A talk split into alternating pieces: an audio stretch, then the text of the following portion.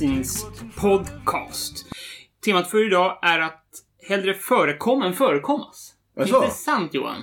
Ja, ja just det. Vi, vi förekommer genom att göra förhandsinslag. Det är nya i den här podden. Vi gör små teasers, små, små smakbitar på saker som ska komma i nästa nummer av Ordfront Magasin. Eh, som är ute i början av mars.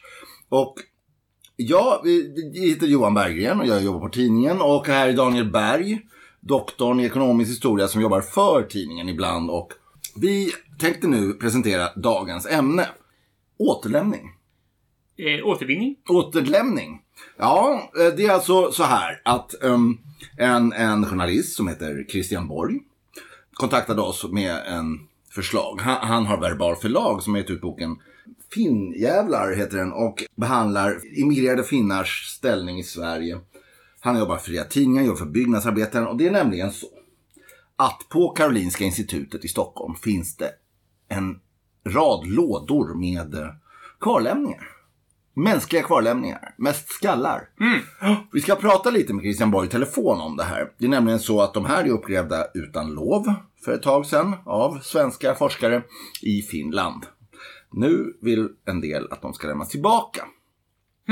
Och det här är då ett ämne som har mm, både med historia att göra, det har med dagsaktuella eller kan man säga tidseraktuella saker som kolonialism, postkolonialism, etnicitet, tillhörighet, Identitet. nationalitet, identitet, hela det här som pratas om.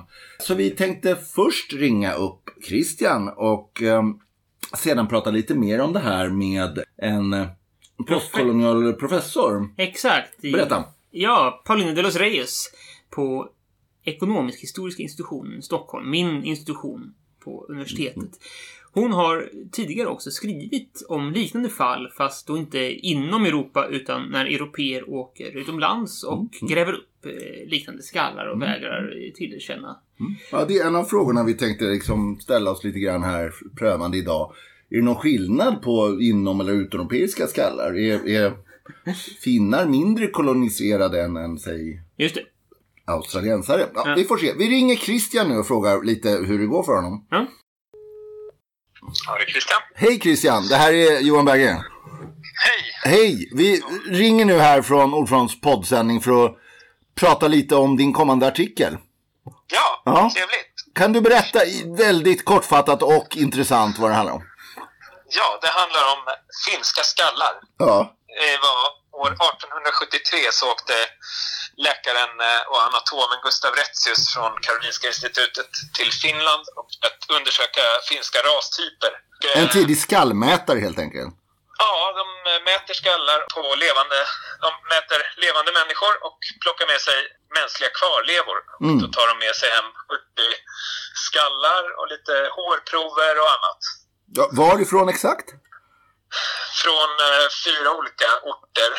Eh, flest från mellersta Finland, Birkaland, en ort som heter Pelkane. Där Ja. har de 55 skallar. Och, eh, jag har även varit där och besökt den här kyrkogården där de har grävt upp dem. Då, då. Det var en eh, gammal kyrka som slutade användas 1839 och de kom dit 1873. Så att, och enligt kyrkoherden så var det inte helt ovanligt att eh, ja, även ortsbefolkningen kanske ibland eh, plockade hem ett skelett eller hängde upp det på Mhm, krogen. mhm. Eller någonting Jaså, sånt där. Men det gör inte mera Nej. rätt för det kanske. nej, nej. Och vad händer idag?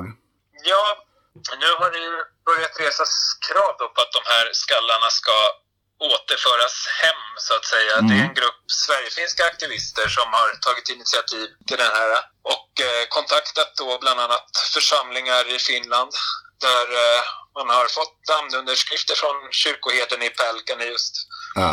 och eh, har haft ett möte på Karolinska institutet om att eh, återföra de här skallarna. Mm. Eh, men Karolinska är väl eh, ganska ljumma, eller intresset är ljumt. De, är, de säger att de kan inte ta det här initiativet utan det måste komma från, eh, från Finland officiellt håll. Ja, jag det förstår. har ju kommit då Okej. från, från de här församlingarna. Men eh, det ska jag säga också att de har inte svarat på brevet officiellt än då. Utan det här sa de på det här mötet som jag också var Mm. närvarande på. Men de menar att det måste komma från Finland som staten. Ja, precis. Från Aha. departementsnivå liksom. Ja, påstår de. Mm, Men mm. Karolinska har tidigare tagit initiativ själva till återföranden när det gäller urbefolkningar och sådär. Så Ja. att, eh, det låter lite konstigt. Men, men är, det- tror du att det är någon säger skillnad när de känner att de, de, de känner att det här, om det är finnar så är det en skillnad om det vore kvarlämningar från ur, urbefolkningsmänniskor? Ja, det är en... eh, För då finns det riktlinjer och så. Eh, Men eh, Riksantikvarieämbetet håller på att ta fram nya riktlinjer för hur institutioner ska arbeta med kvarlevor, Ja, kvarlevor. Och den ska vara klar eh, 2019 då, så att ja, ja. kanske att man inväntar den lite också. Ja, jag fattar. För det har ju hänt liknande saker förut i, i, för inte så länge sedan att diverse kvarlevor har hamnat i Sverige på ganska suspekta sätt och lämnats tillbaka, eller hur? Ja, vi har ju maorier och kvarlevor från eh, ursprungsbefolkningar i, i Amerika Mm, som har lämnats tillbaka då med ceremonier och sådär Ja. på Karolinska. Och det finns ju inte bara på Karolinska institutet ska sägas utan även i Uppsala och Lund finns det mänskliga kvarlevor.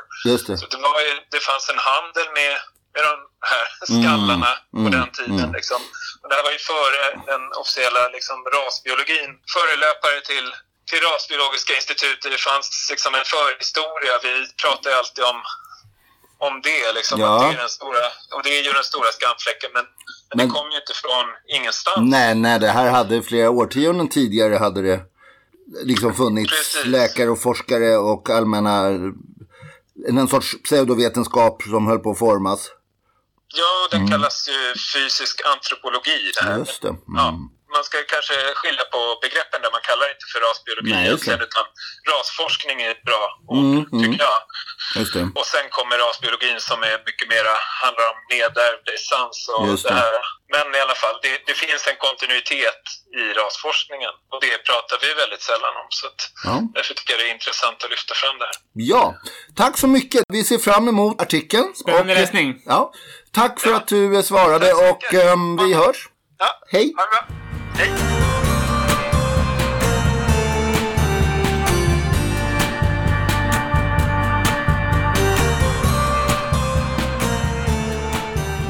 Så det är ju inte klockrent. Jag menar, det är ju inte samma sak som att en kolonialarmé eh, rajdar en helig gravplats som att kanske några forskare krafsar lite i en övergiven kyrkogård där lokalbefolkningen redan grävt upp halva. Jag vet inte. Det är nyanser ofta, men det ska bli intressant att prata med Paulina de los Reyes för hon kan sätta de här återlämningarna av olika slag i en mer genomtänkt och efterforskad diskurs. Vi ringer. Hej Daniel. Hej Paulina! Hur är läget? Jo tack, jag sitter här med Johan och har det bra. Vi sitter och spelar in en podcast. God eftermiddag.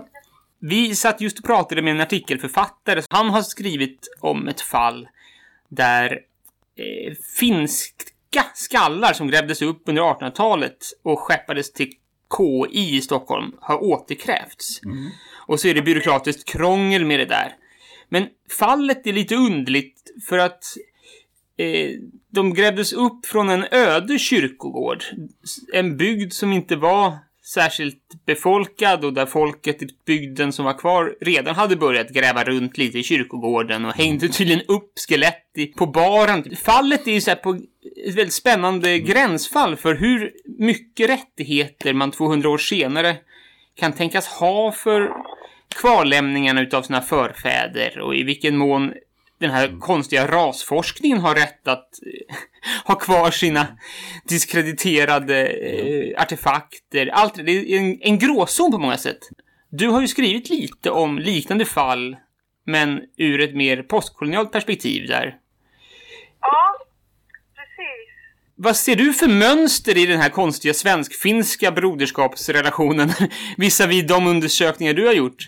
Det är väldigt svårt att se det här som ett isolerat fall Ja, okej. eftersom det här ingick i någon slags liksom, kunskapspraktik som dels liksom har en kolonial bakgrund, Ja. det vill säga liksom det här eh, europeiska projektet liksom som byggde på att man erövrade andra delar av världen, dess befolkning, naturtillgångar och så vidare. Och deras kunskaper också och då deras kvarlevor. Det. Och där liksom det här liksom anspråk på att erövra världen genom kunskap också tog sig sådana uttryck. Det vill säga, vi har rätt till att undersöka de här människorna och vi har rätt att förfoga över deras kvarlevor. Mm. Just motivera det och legitimera det med någon slags kunskapsanspråk. Just det. Så det här liksom så här, det här ramen är det så att säga liksom väldigt svårt att bortse ifrån Mm. när man tittar på enstaka Ja, fall. just det. Att här var en kyrkogård och sen det här liksom Mm, var mm. lämnade och folk plundrade och så vidare. Och så Ja, vidare. Så att mm, mm. det här ingår i ett mycket mer generellt mönster liksom Mm. som i grunden liksom så här byggde på en rätt så påtaglig avhumanisering Mm. av andra människor. Just det. Ja, det är väl kanske en springande punkt det gör att man, man tar ett, en kvarleva som på en plats är mänsklig och förankrar andra människor och gör den till ett studieobjekt som är just avhumaniserat. Ja, Ja, det är ju... Utan lov, utan att ha bett den personen om lov när den levde eller dess, utan det, man har rätt i vetenskapen. Har jag förstått rätt Nej, att nej, vetenskapen precis, precis. används som ett maktmedel helt enkelt? Exakt, och där har vi liksom så här hela den postkoloniala forskningen som Mm. på något sätt liksom så här lyfter fram det här att den koloniala dominansen byggde inte bara så att säga, liksom på det här materiella erövring och plundring utan också liksom på det här kunskapsanspråket. Så att säga, liksom Ja. Det är vi som har rätt att då i vetenskapens namn Ja. tillägna oss och bestämma hur dessa människors liv liksom så här, är, liksom så här, det var och varför det är intressant för oss. Och det, det ser vi också i de motiveringar man läser ibland liksom så här, av osteologer som vill gärna förs försvara liksom, att de här Ja. liksom, kvarlevorna förvaras i Mm. Svenska museet. Att det är Liksom så här, men det är genom att undersöka de här liksom, resterna som vi kan då lära oss om hur andra människor levde, vilka sjukdomar de drabbades av, liksom, vad de hade för och så vidare. Så vidare. Så det finns en massa. Och så kan man säga liksom så här, ja, vad, vad, vad är meningen med den kunskapen? Varför har vi rätt att göra det? Mm. Och särskilt liksom när det här har varit följt av en praktik liksom där stölder, plundring och så vidare Mm. liksom, så här, har varit en del av. Mm. Så Mm. att det skaver. Ja, just det. Nu har ju på senare årtionden i alla fall, inte så länge, men det har ju skett en del sådana återlämningar från lite varstans. Jag läste senast var något stort museum i Kanada som lämnar tillbaks både mänskliga kvarlevor och artefakter till då First Nation-folk som inte bodde ens långt därifrån. Men ja, i någon sorts försök att säga ja, vi hade inte rätt att ta det här till att börja med. Det finns ändå vissa likheter med fattiga finska bönder. I mitten av 1800-talet så var man fattig bonde någonstans så hade man kanske inte så mycket att säga till om. Nej, men, men jag, tror att, jag tror att det koloniala projektet liksom visar oss någonting om hur rastänkande etablerades. Men man bör också komma ihåg att rastänkande också som på något sätt liksom var relevant för nationsskapande Mm. i Norden och. Sverige, inte minst. Mm. Och därför liksom den här idén om liksom att det finns olika raser och sen liksom skiljelinjen mellan Mm. eh, klasstillhörighet och rastillhörighet liksom i en förindustriell tid eller liksom under industrialismens första Mm. fas, alltså fram till välfärdsstatens etablering var liksom så här väldigt suddig. Så det här liksom att hitta de skiljelinjer mellan oss som tillhör nationen och de som inte gör. Ja. Det gör man liksom med sin egen befolkning i den mån att de är möjliga att vara med i det nationella projektet. Just. Och därför liksom ja, resande folk, människor som inte liksom riktigt passade in i det här, de blev föremål för de här undersökningar som liksom för utifrån fenotypiska, liksom utseendemässiga drag placerades liksom i en särskild grupp. Mm.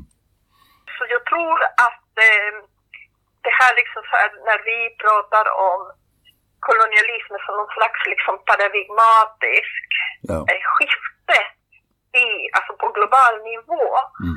tror jag liksom att det är också viktigt att vi inte glömmer bort liksom att det här är också ett, ett projekt som genomfördes här Ja, i ja. Sverige. Det genomsyrade, det genomsyrade tänkandet och politik och vetenskap även på så kallad hemmaplan. Ex, exakt, Ja, förstår. exakt. Mm. Och där är de här skallarna en, eh, en liten men tydlig del. Ja, och det intressanta kan jag säga det är att Karolinska institutet inte alls vill lämna tillbaka dem. De, eh, de vill inte förrän de fått en officiell skrivelse från finska staten ens ta upp frågan. Jaha. Ja, det är nu församlingarna i byarna där som har skickat en petition. eh, Men de, de har haft ett samtal men de tänker inte närma sig frågan förrän det kommer officiella från departement och stat i Finland om, om förfrågningar. Så det är ju lite intressant att se att de, de kan inte riktigt följa de riktlinjer som ändå finns när det kommer till urfolk här. För det är då, tycker de att det ska gå genom finska staten som ska representera de här då snart 200 år gamla kvarlämnorna. Det där, det, där är, det där är väldigt, väldigt, väldigt intressant för att det är också, det är också en, en, en syn som på något sätt liksom så här med nutida glasögon Mhm, försöker liksom på något sätt just det. eh, skapa en tolkningsram till det här om vem som skulle ha rätt till dessa kroppar och dessa kvarlevor. Och då är det staten. Ja, Ja. Eh, det finns inte liksom något annat som på något sätt liksom anses legitimt. Men det där är också så att säga liksom någon slags omöjlighet för att det är, alltså, om man tänker om man tänker också igen liksom på människor utanför Europa, liksom, så att det, det, det, det är folkgrupper som har försvunnit. ja, Eh, människor liksom som placerades som museiföremål som, som man vandrade runt i Europa och så vidare liksom för att visa och så vidare. Det är, det är många gånger liksom så utrotade mm, eh, grupper. Så det här liksom att vem som har rätt att reclaima Ja, de ja. här kvarlevorna eh, hänsyn till liksom att säga liksom historien är inte linjär. Nej, och är inte liksom representat, eh, de kan inte representera företräda. Liksom så nej, det blir någon sorts omvänd tidsordning om en, en, en regering 2018 ska tala för, ja, när nu de här, de här byarna, det är ju ändå antagligen deras ättlingar, det är ju de som bott där hela tiden, de vill ha tillbaka dem. Tycker det är ändå rätt konstigt att de, mm, Exakt.